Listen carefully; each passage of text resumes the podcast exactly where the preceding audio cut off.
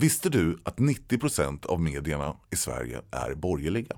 Samtidigt har extremhögern byggt upp en hel pamflett av propagandasidor. Dagens ETC är dagstidningen som ger hopp och ryggrad att stå emot den blåbruna sörjan. Sveriges enda röda dagstidning för en grönare värld. Testa att prenumerera idag på etc.se.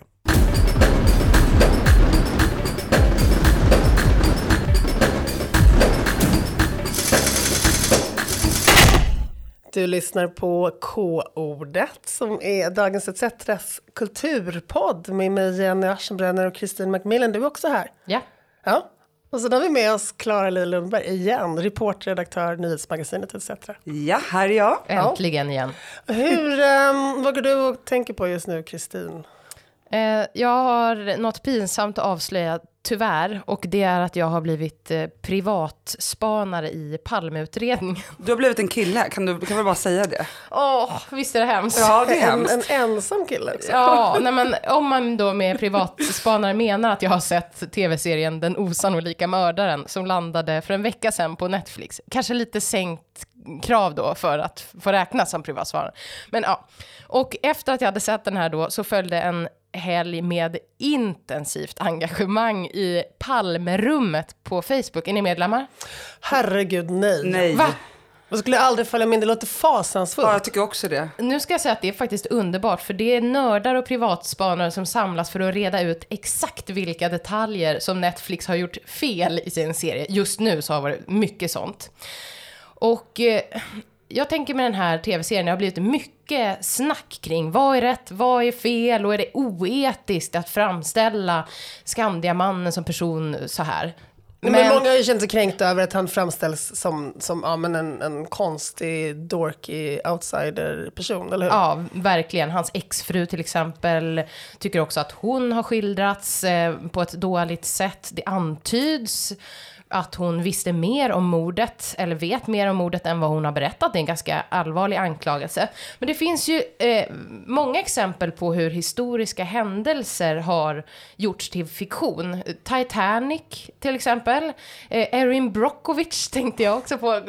Kommer ni på? Alltså det finns ju hur många som Ja, helst. det finns ju Men tusentals. Kennedy-morden, men jag tänker på så här gåtor också, för det är väl någonting med det här att det är den stora olösta gåtan i mitten av folkhemmet Sverige som en stor traumatisk Som ett knut sår som aldrig läker, liksom. Bara rycks upp för varje ny spaning känns det som. Ja, men i det här fallet så handlar det ju då om ett svenskt fortfarande olöst fall och aktuellt för att eh, inte minst i Palmerummet så är det fortfarande folk som sitter med egna små modeller av mordplatsen och förhör, förhör och försöker lista ut vem som gjorde det.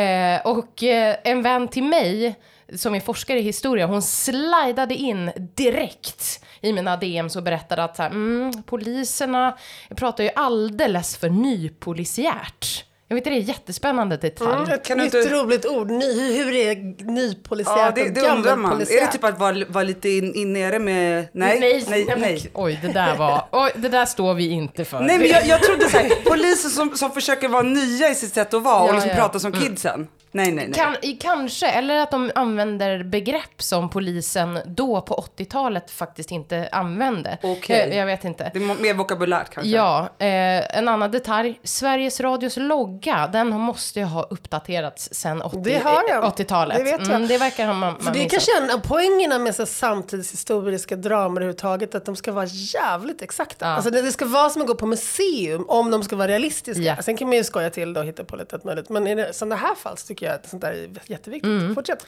Och när jag klagade på att det inte var några snygga personer med i serien, viktigt, eh, då sa min kompis att folk faktiskt var ännu fulare då. Ja, det där står inte jag för. Nej, men hon är historiker, hon vet, snälla rara. Och alla som är 40 år ungefär i serien, de är ju klädda som dagens 80-åringar. Men det är väl jättebra, alltså Ja, det var väl så det var? Ja, ja, absolut. Eftersom de var 40 år då och eh, de är typ 80 idag. Alltså så gulligt att de har haft samma kläder sedan liksom Ja, 80-talet. du kommer tycka det är jättegulligt sen när du är en av de där som har samma kläder om 40 år. Ja, då kommer man där med sin basker och så. man Och sin tajta eh, skinnkjol. Ja, den. Den ska Den måste du ha som 80-åring. pressa mig i. Ja. Men, eh, ja, eh, så, men å andra sidan så hade man ju blivit väldigt förvånad om man kanske hade kastat typ Sverrir Gudnason som Skandiamannen istället för Robert Gustafsson. Alltså det hade ju blivit hett, men kanske inte jätteadekvat då. Men jag tycker en intressant aspekt när man klagar på det liksom sanningshalten i den här serien. Det är så här att om de hade kunnat berätta sanningen, då hade de ju löst mordet. Alltså så här, det är ju en omöjlighet. Eftersom det fortfarande är så här en gåta i centrum och allt det här så kan man ju inte, då får man ju berätta en liten egen rolig version som alla naturligtvis måste fatta i en fantasi. Ja, och i det här fallet så är det faktiskt ett problem att det är så sanningsenligt gjort eller att berättandet är så övertygande. För ehm, det här dramat har ju etiketterats som true crime, men det är ju inte den sanna lösningen på mordet. Det kan de ju inte hävda. Det finns en disclaimer i början av eh, serien, innan ens första bildrutan, som säger det här baseras på ett olöst fall. Men det, tv-serien är baserad på den här filterjournalisten Thomas Petterssons bok. Och den är ju inte fiktion, den är ju journalistik. Just men tv-serien ska betraktas som fiktion. Och det där ställer liksom till det i huvudet för en. Mm. Eh, och just, det är någonting också med att berättande, det, det är så övertygande, man köper det liksom. Fast när Micke Persbrandt kommer in som Hans Holmér med en hopplös peruk. Vad sa du med en... med en hopplös peruk som jag hade liksom alldeles yvig så här ovanför en halv flint. Blir inte lite så här eh, absurd buskis då? Nej, det blir inte Jag det. tycker det. Du tycker det, okej. Men för att jag, jag tänkte på, det är lite som om man tittar på Instagram på någon så här skitsnygg influencermodell, typ Bella Hadid eller Kylie Jenner, så vet jag så här, okej hon är jätteopererad, det är massor med filter, det är photoshop, och ändå så, så går jag på den här eh, illusionen. Och lite samma sak sitter man där eh, med tv-serien så här, ja men det här verkar ju faktiskt sannolikt, även fast jag är en kritisk tänkande människa då. Nej, jag, jag är inte lika manstillvänd som ni två, så jag har ju inte sett den här Nej, serien. nej, nej, nej, nej, nej, nej. Men en annan eh, detalj, pikant om den här serien, det är ju faktiskt att Robert Gustafsson, som då spelar Stig Engström, eh, Skandiamannen, han var på plats på Grand den 28 februari 1986. Vi har en misstänkt. Han var på samma biovisning som Palme. Så att det största mindfucket hade ju varit om det var Robert Gustafsson som var gärningsmannen. En long shot, men som privatspanare kan jag inte utesluta något. Nu börjar arbetet. Jag skulle vilja diskutera lite grann så här, vem får man säga hej till? Och vem som har sagt hej till vem får man säga hej till? Okej, jag vet nu att du egentligen vill skryta om att du har varit på Aftonbladets kulturfest. Bara börja med. Hur var det? Jag vill höra allt. Okej, det är du ute och fiskar efter det. Okej, men jag vill också gärna höra. Nej men jag var inte fisk efter det. Jag var på Aftonbladets kulturfest, Ja. Mm. det är sant. Men det är faktiskt också min gamla arbetsplats. Så riktigt så eh, Då fick hon det sagt. inte. Hörde ni det? Det var underbart, ingen kunde uppföra sig. Det kan ingen någonsin på Aftonbladets kulturfester. Det är en otroligt underbar samling kufiska kulturmänniskor. Jag kommer ihåg första gången jag var på de här tillställningarna så tänkte jag så men gud, jag känner mig helt socialt awkward, jag kan inte säga något rimligt. Och sen slappnade jag av, såg mig omkring och insåg att hur konstig jag än är så kommer jag inte i närheten av att vara konstigast. Oh. Underbart! en freakshow låter det som. Men var var denna fest? Eh, Folkparken, Sveavägen, jag hade aldrig varit där förut. Nej, för jag läste på Twitter att Caroline Ringskog Ferrada-Noli eh, skrev att det borde, alltså att man borde gå tillbaks till att ha den på KB för att folk blir höger om inte vänstern får ha det lite flärd. Men sen tog hon bort den tweeten. Så att jag vet Sin vana trogen. Ja, visst. Det var fri bar, det var underliga, lite taffliga tal. Det var helt enkelt fantastiskt. Men som ett spöke genom krogens loka- lokaler gick Fredrik Virtanen. Um, och det där var lite speciellt, att bara se den här då på något sätt konstigt nu för tiden mytomspunna personen eftersom han då anklagats för olika sexuella övergrepp och han har dementerat, han har skrivit motböcker och han har men funnit sig någonstans mitt i den här metoo-stormen. Så framförallt den delen av metoo-stormen som har handlat om så här, mediepersonligheter och namngivning och etc. etc. Eh, och nu plötsligt var han där på riktigt och han gick runt som en helt vanlig människa och snackade lite med folk. Och jag kände att jag fick någon sån här repellerande instinkt. Att så här, man kan inte gå för nära. Eh, man måste hålla några meter säkerhetsavstånd. Fler än coronametrarna, tre meter kanske, till Fredrik Virtanen. Ehm, men såklart folk, var folk framme och pratade med honom. Ehm, det, det kom väl faktiskt en diskussion också på redaktionen med en kollega som var så här, men hur var det? Kunde folk, var, det någon som liksom ifrågasatte att han var där eller vad hände? Och det vet, jag vet inte om någon konfronterade Fredrik Virtanen för jag höll mig på mitt säkerhetsavstånd. Men eh, det här fick mig fundera över hela den här, alltså man pratar ju jättemycket om cancel culture på sistone, vilket ju handlar om att folk stängs ute från sina olika då plattformar, vilket framförallt professionellt, att de hindras att arbeta på olika ställen. Men det handlar ju också om liksom att stängas ute från sociala sammanhang och där tycker jag att det ändå blir intressant. För att när det kommer till vad ska man säga, det professionella så handlar det ofta om att någon kommersiell aktör väljer att sluta samarbeta med en person för att den börjar förknippas med någonting som de inte längre tycker är... det är Man mest- förstör varumärket. Förstör liksom. varumärket. Det var kanske var hett att vara en sexistisk gubbjävel för ett tag sedan. Nu är inte det så hett längre. Nu vill vi ha en ung feminist. Alltså så här, och det är ofta väldigt kommersiella ställningstaganden. Det är ju sällan ens moraliska ställningstaganden. Och så, så jobbar ju företag. Det måste de få göra. Det är ingenting konstigt med det. Men steget därifrån är ju det här som också både Stina Oskarsson har skrivit om och skrivit om i sin nya bok Det perfekta plåstret som just har kommit ut. En diktsamling om att vara cancelled ungefär. Eh, men även Ann Heberlein som skrev sin bok Fallet om hela sitt liksom, fall från att vara mediekulturvärldens älskling till att bli paria. Så skriver hon om det här att inte bara att folk slutar hälsa utan att folk som fortsätter att prata med dem typ blir tillsagda av sina vänner att men du kan, herregud, du kan inte prata med en Heberlein. Om någon ser dig göra det så kommer du aldrig typ bli bjuden någonstans eller få ett jobb och så vidare. Eh, och där någonstans börjar det ju bli, tycker jag, alltså skruvat på ett nytt plan. Vad säger ni? Vem får säga hej till Fredrik Virtanen? Och får man säga hej till den som säger hej till Fredrik Virtanen? Ja, alltså nu, vi ska väl igen säga att han är inte dömd. Han fick sparken från Aftonbladet under metoo-hösten. Och, men nu är han tillbaka och skriver för dem. Ja. Och det var väl också därför som han Absolut. blev bjuden på festen. För att de kan inte göra, liksom, kanske undantag, ansåg de då. Eh, men eh, jag vet inte, det här cancel-begreppet. Han är ju inte cancel då, för att han har ju, nu har han ju uppdrag. Eller hans igen. cancel har upphört. Ja, typ. Han hade en liten det. paus. Han fick Ja. stå i skamvrån och nu är han tillbaka. Så kan man ju säga. Ja, exakt. Stina Oskarsson, inte heller cancel. Hon skriver ju för SvD bland annat. Ja, har hon nej, skrivit men- nyligen om hur hon eh, tog sig ut från eh, tvångsvård där hon var inlagd för ätstörning. Och hon har skrivit Ja. då uppenbarligen en, en hel bok som hon har fått utgiven. Som, så att, så, det. Ja. visst, ja, men det, det, det är det jag menar. Ofta är det ju, blir det ju ett ganska tomt eh, sätt att formulera att man inte känner sig lika liksom, kanske åt, liksom, attraktiv i, i liksom, den offentligheten längre.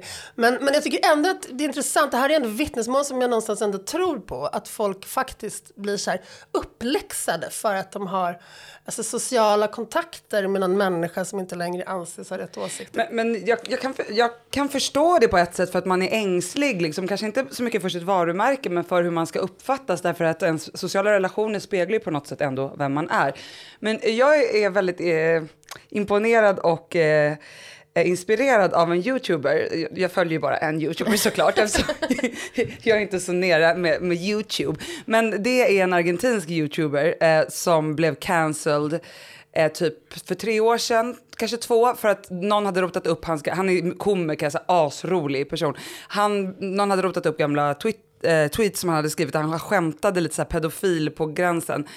Eh, och han har gjort något väldigt roligt av det och det blir också uppenbart nu att så här, han pratar väldigt mycket om det och då blir det också uppenbart att det där är hela tiden en förhandling. Alltså så här, i vilken situation, ja det kanske är precis efter, men liksom att det, att det, det, det, det, är en period, det är liksom perioder som avlöser varandra så jag tror att det är liksom mer dynamiskt.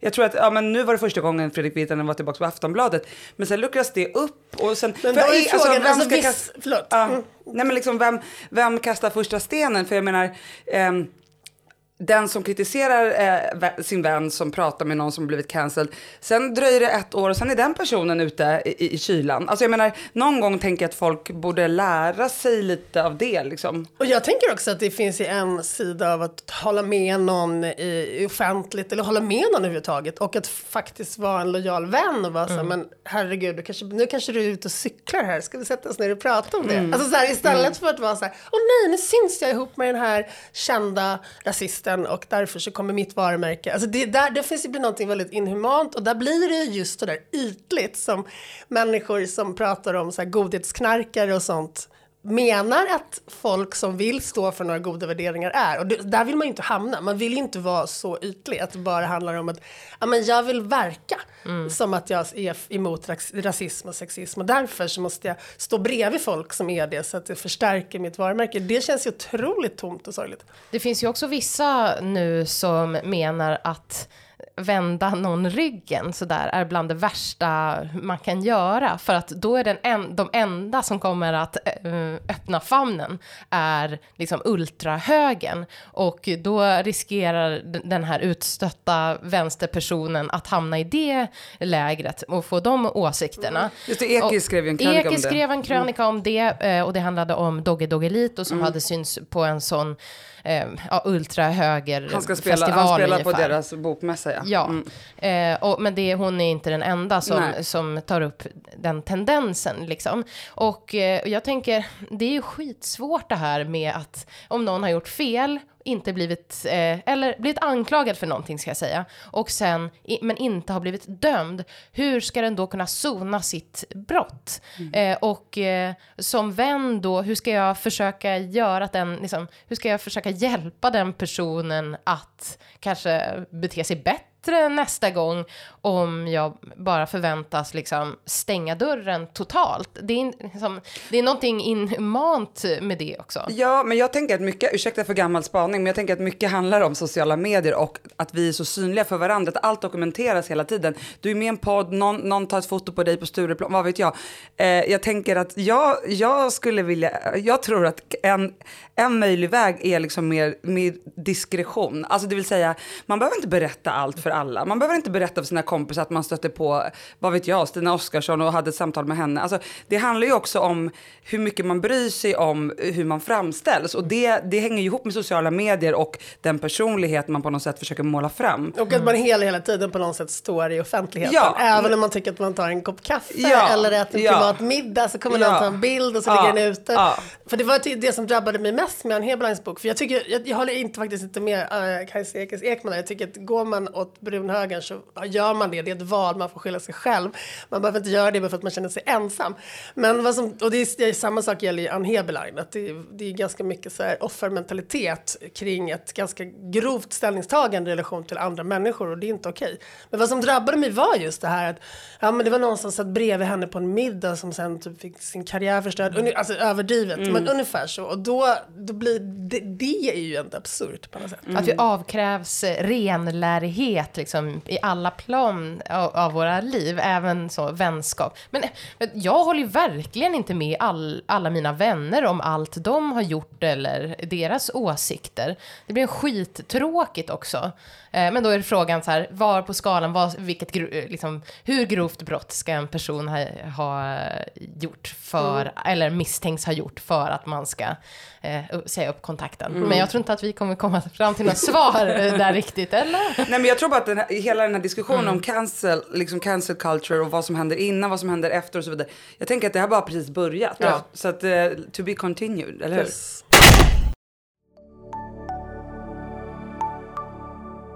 Har du pengar på banken?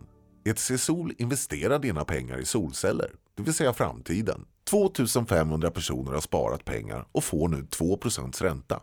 Vill du vara med? Läs mer om hur du sparar på etcsol.se. If you wanna be my lover.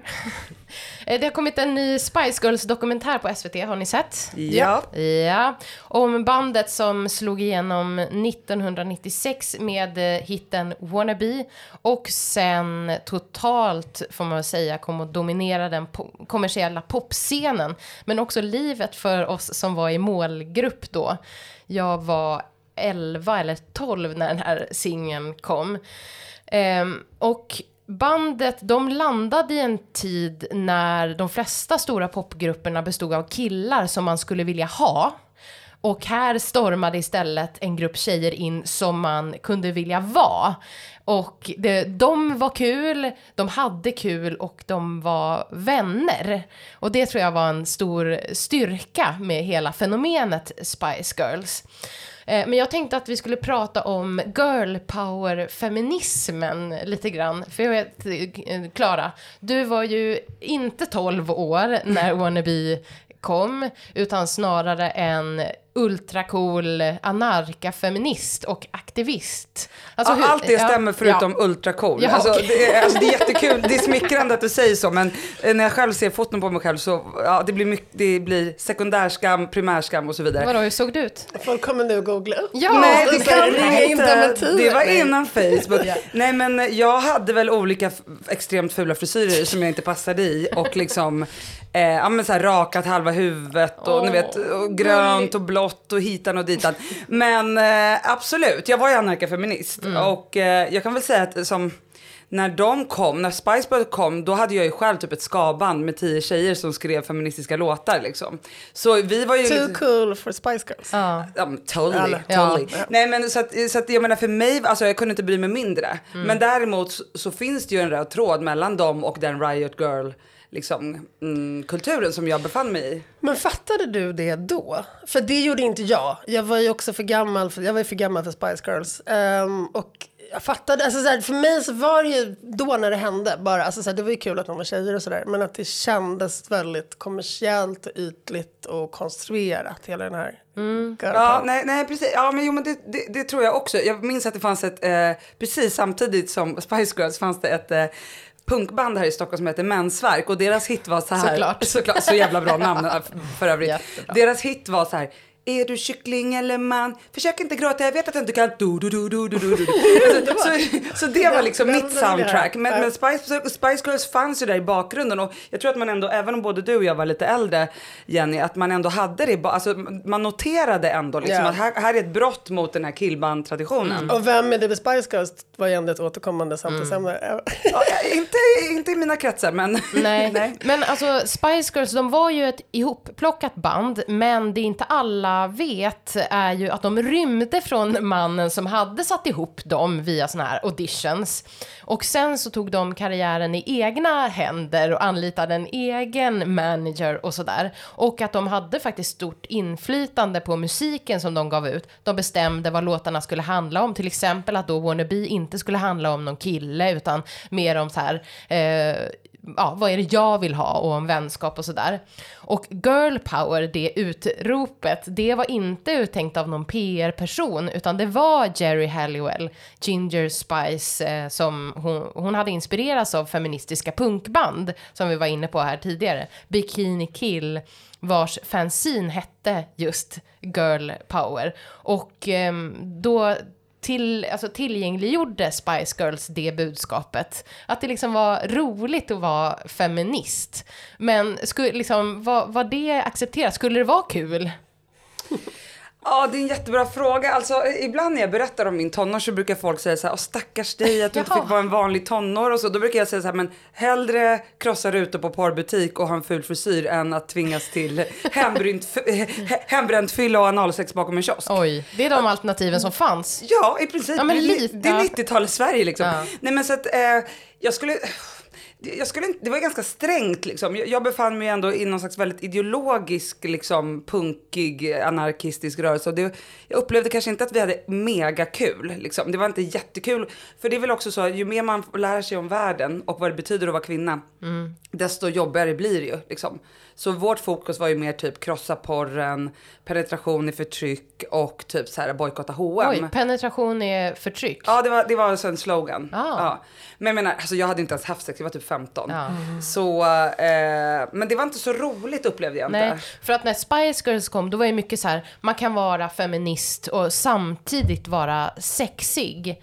Eh, så det, det var inte liksom ett budskap ni höll på med. Absolut Nej. inte. Det var helt, jag, jag upplevde det som väldigt asexuellt eller avsexualiserat. Ja, och det var, det, det var den rätta vägen att gå. Ja. Var inte det lite jobbigt då? Sen när man skulle kanske upptäcka sin egen sexualitet, då var det fel kanske? Eller? Ja, alltså, jag, kan, jag är inte en talesperson för Nu är du- anarkafeministrörelsen på 90-talet, men alltså som jag sa tidigare, det kommer ju sen ändå. Liksom, det, var, det var inte förlorade år. Liksom, det var väl snarare det här som fortfarande tänker jag dominerar delar av av vänstern eller samhället överhuvudtaget, det här att göra fel. Liksom, att, att man, liksom, det var någon kille någon gång som man hade hört hade tafsat och då liksom, mitt under en fest så kunde han släppas ut. Eller liksom, det var någon kompis som skulle bli av med sin oskuld under kvällen. och då var det så här, vem är det? Han är mycket äldre än dig. Jag vet inte om han är bra. Alltså, det var mycket så att man vaktade varandra. Liksom. Fast det låter ju som ett, om, om du säger just 15, så låter det som en ganska underbar liten frizon att få vara det i en stund. det. Det och få ta alla de där galna hormonerna och vara förbannad Ja. istället för att bara gå runt och försöka trycka ner dem och, och lära sig sätta på rouge på rätt sätt. Ja, nej, men liksom, det primära var inte att vara snygg. Det kom senare. För, alltså, för det tänkte jag på när jag såg den här dokumentären, att Spice Girls verkligen är en historia om så här, dubbel bestraffning. Att det går fan inte att göra rätt liksom, som kvinna. Eh, för att det som hände med dem var ju att så här, de kom in, de var så jävla härliga, står, liksom, var kaxiga mot eh, prins Charles och eh, var rappa i käften och så vidare. Eh, och fick många unga tjejer att våga stå upp för sig själva lite grann. Eh, men möttes av en tabloidpress som bara plockade ner dem totalt och sket i den här styrkan och bara recenserade deras kroppar, hittade på liksom illasinnade rykten, men också med just de här bilderna som jag minns så tydligt så här, någon upskirt-bild på någons celluliter. Alltså det var, det var så, fr- alltså vilket fruktansvärt eh, eh, klimat att mötas av. Som 18-åring som en del av dem var. De var ju fett, de var Ja, jätteunga. ja, jag minns faktiskt inte hur, Nej. hur gamla de var. Men så här, i en svensk kontext, vilka var eh, de unga synliga feministerna då? Minns ni det? Men det var väl, um, började inte liksom, alltså dels var det ju Nina Björk, ska man ju inte underskatta i de här sammanhangen. Jag kommer ihåg att jag gick på universitetet och hon hade en föreläsning på Gula Villan med sin bok Under det rosa täcket. Och det var liksom som att så här, verkligen fucking rockstjärna. Åh. Det var bara, folk bara stormade lokalen och bara "Ah, Nina Björk. Det, alltså, det var verkligen så.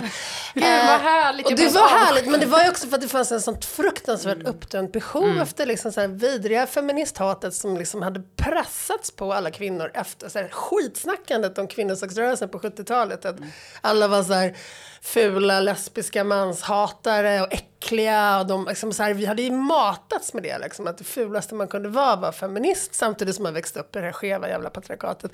Och i den krocken så, så kom ju hon in och bara var snygg och ung och cool och skrev den här boken, jätteinspirerad av Simone de Beauvoir, om att så här, alla får göra allt och det, det är bara skitsnack liksom. Så att jag tror att hon var ju absolut kanske den, den viktigaste på 90-talet. Sen kom ju Fitzstims Fittstim. generation, jag kommer inte ihåg när. Fittstim var, men Jag det tror var nog kom- lite, lite senare. Ja, men typ 90 98 kanske eller. Nej, Det kan lite med vara- tidigare tror jag. Ja, vi Ja. kan, vi kan vi googlar Men. Men då även var det Ett hjärta i här, jeans kom också då. just det, 99. 99, precis. Med Så- Li- ja, Linda Skugge, Belinda Olsson och... Fanny Ambjörnsson, Ja. Siri Ambjörnsson. Ja. Och sen så ska man, finns ju, fanns ju också tidningen Darling, ska vi inte glömma. Ja. Men den jobbade ju också lite med Spice Girl, med liksom det rosa och det flickiga och hjärtan, samtidigt som den var otroligt så här, rolig och fräck och arg. Så där hade man ju lite mer det, det flickuttrycket. Och mycket underklädesreportage kommer jag ihåg med så här lite sexiga, alltså så här lite indie-estetiskt sexiga underkläder. Ja, Och det det. könshår då också eller? Det minns jag Så, så, så det var ju liksom faktiskt, och det, det handlade ju mycket om att man plockade så här jätteunga kvinnliga skribenter som var fräsiga och skapade lite liv i luckan till olika nöjesredaktioner. Eh, och som kanske slog ganska vilt omkring sig, men de gav ju en plats till någonting annat. För det tycker jag var så intressant också med Spice Girls-dokumentären, att det är något så otroligt dokument över den här vidriga, vidriga, gubbiga nöjesjournalistiken. Eh, med de här männen som bara sitter där och bara skriver ner de här små flickorna som ni var inne på, liksom, eller små flickorna, de var ju bara väldigt unga personer, men bara med sin så här, med massiva gubbigheten. Eh, så det är klart att det betydde ju jättemycket att de kom in och bara började gasta i spalterna. Och sen formades ju det mer till en tydlig tredje vågens feminism under 90-talet kan man säga. Men att mycket, det tycker jag var spännande i den här eh, dokumentären, att mycket, eh, att de orkade handlade om att de var många och kunde så backa backa varandra i olika eh, intervjusituationer och sådär. Och det är en av de intervjuade där, eh, någon journalist tror jag, säger att det krävdes fem kvinnor för att göra en kvinnas röst hörd på 90-talet. Och just det där också att, eh, att det var så härligt när man, man såg att de var så olika också. Så man kunde vara eh, gullig, man kunde vara lite snobbig, sportig, röjig eller uppkäftig och man kunde ändå vara f- feminist. Ja, och andra sidan, Ja. jo, men å andra sidan tänker jag att, att det är så himla så här, uttänkt också. Väldigt, vad ska man säga, stereotypa personer. lite som ett här, barnprogram. rödhår, Ja. rödhårig och eldig. Absolut. En svart och sportig. Blond och oskuldsfull. Blond och oskuldsfull. En svarthårig och mystisk. Men absolut, det var ju smart om man, om man ska vara cynisk. Därför att som du säger, då, må, många, män, liksom, många unga fl- flickor kunde ju identifiera sig med någon av dem. Så det var ju smart. Ja, och handlingsutrymmet var så himla s- smalt så att det där var ändå en, liksom en utö- ett Ja, utökande av det. Och sen var de var fem, de var jävligt roliga, de var liksom rappa i käften, streetsmarta. Allt det här var ju underbart. Jag tänkte på det, för sen så nästa stora liksom, popstjärna var ju Britney Spears Mm. som då kom med sin debutsingel 98. Och då kommer jag ihåg, då var jag ju en vuxen människa, men då kunde jag tycka så synd om tonåringarna att vad de fick var liksom en sexig brud som skulle lanseras som oskuld. Alltså Mm. Den mest vidriga dubbla rollen man kan ha som flicka, kvinna, att liksom bo, attrahera alla mäns blickar Mm. men ändå hålla på sig. Och att jag ändå hade fått växa upp med Madonna som liksom bara gick, klev ut där och tog för sig och det var ingen jävla snack om att hålla på och låtsas att man inte ville ligga. Liksom. Så det, där, och där var ju Spice Girl också en kraft på ett annat Verkligen, för att de sättet. så här, åh Subjekt. gud, de var, eh, de var ju liksom sexiga, fick vara det utan att kallas eh, för hora, vilket verkligen, alltså det var klimatet då. Um, ja, men eh, där, sen fick de ju jätte jättemycket kritik för att de var kommersiella. Eh, de har gjort girl power till en slogan för att man ska köpa deras skivor. Just det, och. Barbie-dockor och hela det där. Ja, alltså det var ju en enorm multi, eh, liksom, multimiljonindustri.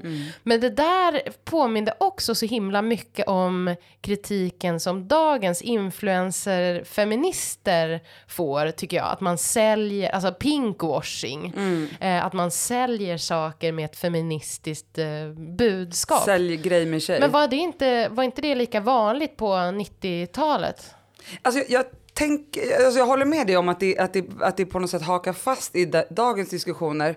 Jag tänkte själv på det, så här, att, att då, i alla fall i mina kretsar då på 90-talet, right girl-feminismen, då var det så här, ma, eh, man får vara, som tjej så, ska man få vara arg och ful. Liksom. Och idag så är det allt en tjej gör är feministiskt. Alltså, det. det är liksom så att det, men, men, men jag upplevde inte att, alltså jag upplevde att på ett sätt så var ju eh, bilden av vad kan en feminist vara var ju mycket eh, snävare och där det kommersiella absolut inte hade någon plats. Men idag har vi gått åt andra hållet, en extrem, där, där liksom det feministiska budskapet har genomkommersialiserats. Så det är min bild liksom. Ja, men att det finns nästan inte för att det är som du säger, allting som en kvinna gör är feministiskt. ja Så här. tydligen. Ja.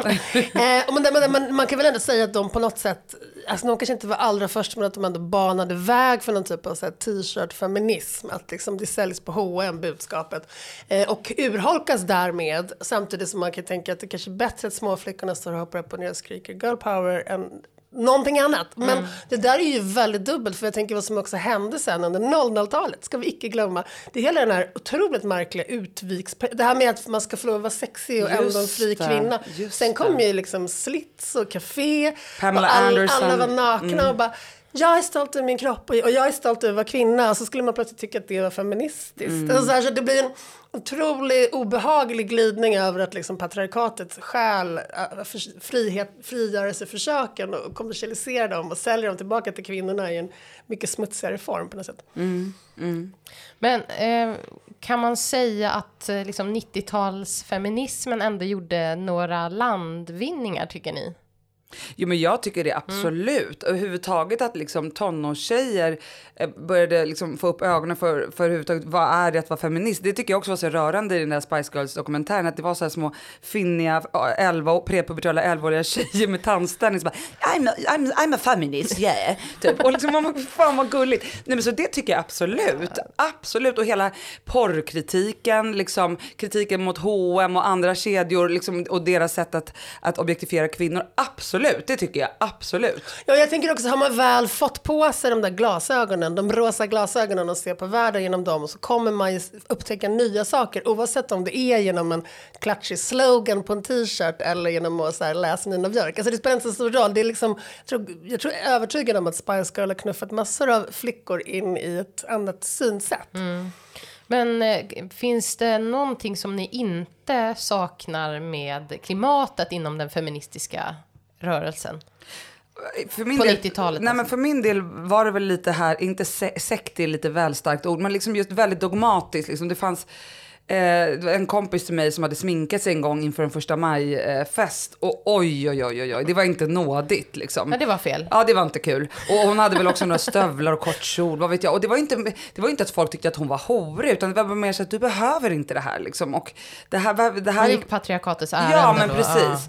Så, Jag eh, hade ju min, förlåt. Ja, nej men så, så det kan jag ju känna att det, det var väldigt strängt Ja. och liksom det är inte så uppmuntrande eh, och peppigt. Nej, och nu, nu är man ju feminism om man gör ögonbrynen därför att eh, ögonbrynsstudior är ju ett separatistiskt rum. Eh, Visste ni vänta, det? vänta, en frizon från patriarkatet. Okej, okej, okej, Ja. förlåt. Eh, Vad tänkte du säga?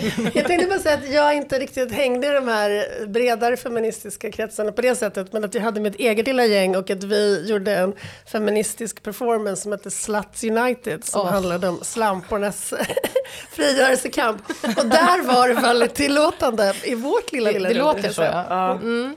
Så ni var ett gäng slampor som gick ihop och, och, och ja.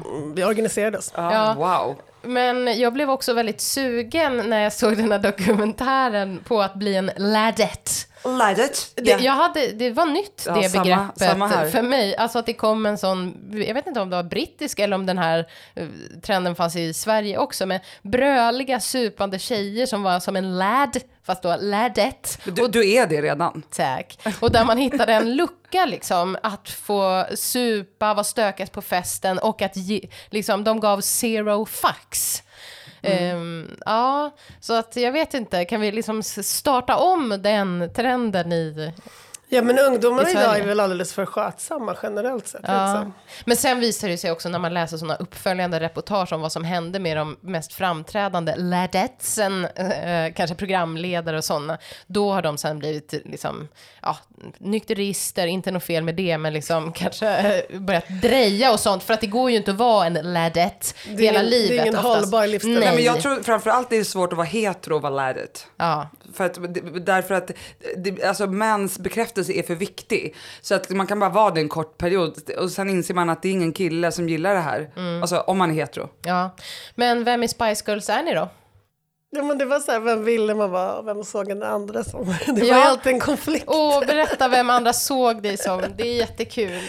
Nej, men jag tror att jag kanske så här, utseendemässigt var mest lik Sporty Spice, men det var tråkigast. Jaha. Ja. Nej, men jag, jag skulle säga att jag är någon blandning mellan eh, de två Mel, Mel B och Mel C. Ah, Okej. Ja. Sporty, men också lite scary. Och lite street smart. Jag vill nog hellre vara scary och sen så framstod jag Men hette hon sporty. verkligen Scary Spice? Ja, hon hette det, vilket ju också är lite problematiskt eftersom hon var den enda svarta i det Ja, gänget. verkligen. Jag trodde att det var hon som var... Ni hör ju, jag, jag, jag kan inte min Spice Girls. Vem var du? Gary såklart. Alltså jag hoppas verkligen det. Ehm, Ginger Spice. Ginger. Ja, men jag är inte alls lika rolig och uppkäftig som hon på något sätt. Och jag hade inte ens platåskorna. Men alltså vill jag bara säga en bonusgrej. Om ni vill veta vad Gary har gjort för någonting idag så blev jag introducerad för en otrolig låt hon gjorde för några år sedan som heter My Chico Latino. Oj! Jag bara säger det. Google it. Och det var allt för K-ordet den här veckan. Vi hörs igen om två veckor. Tack Klara Lundberg, tack Jenny Aschenbrenner och Tack Kristin Macmillan. Hej då.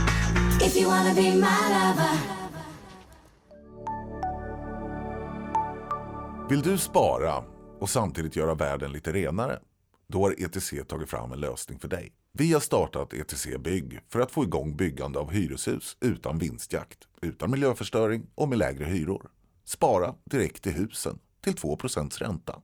Läs mer på etcbygg.se.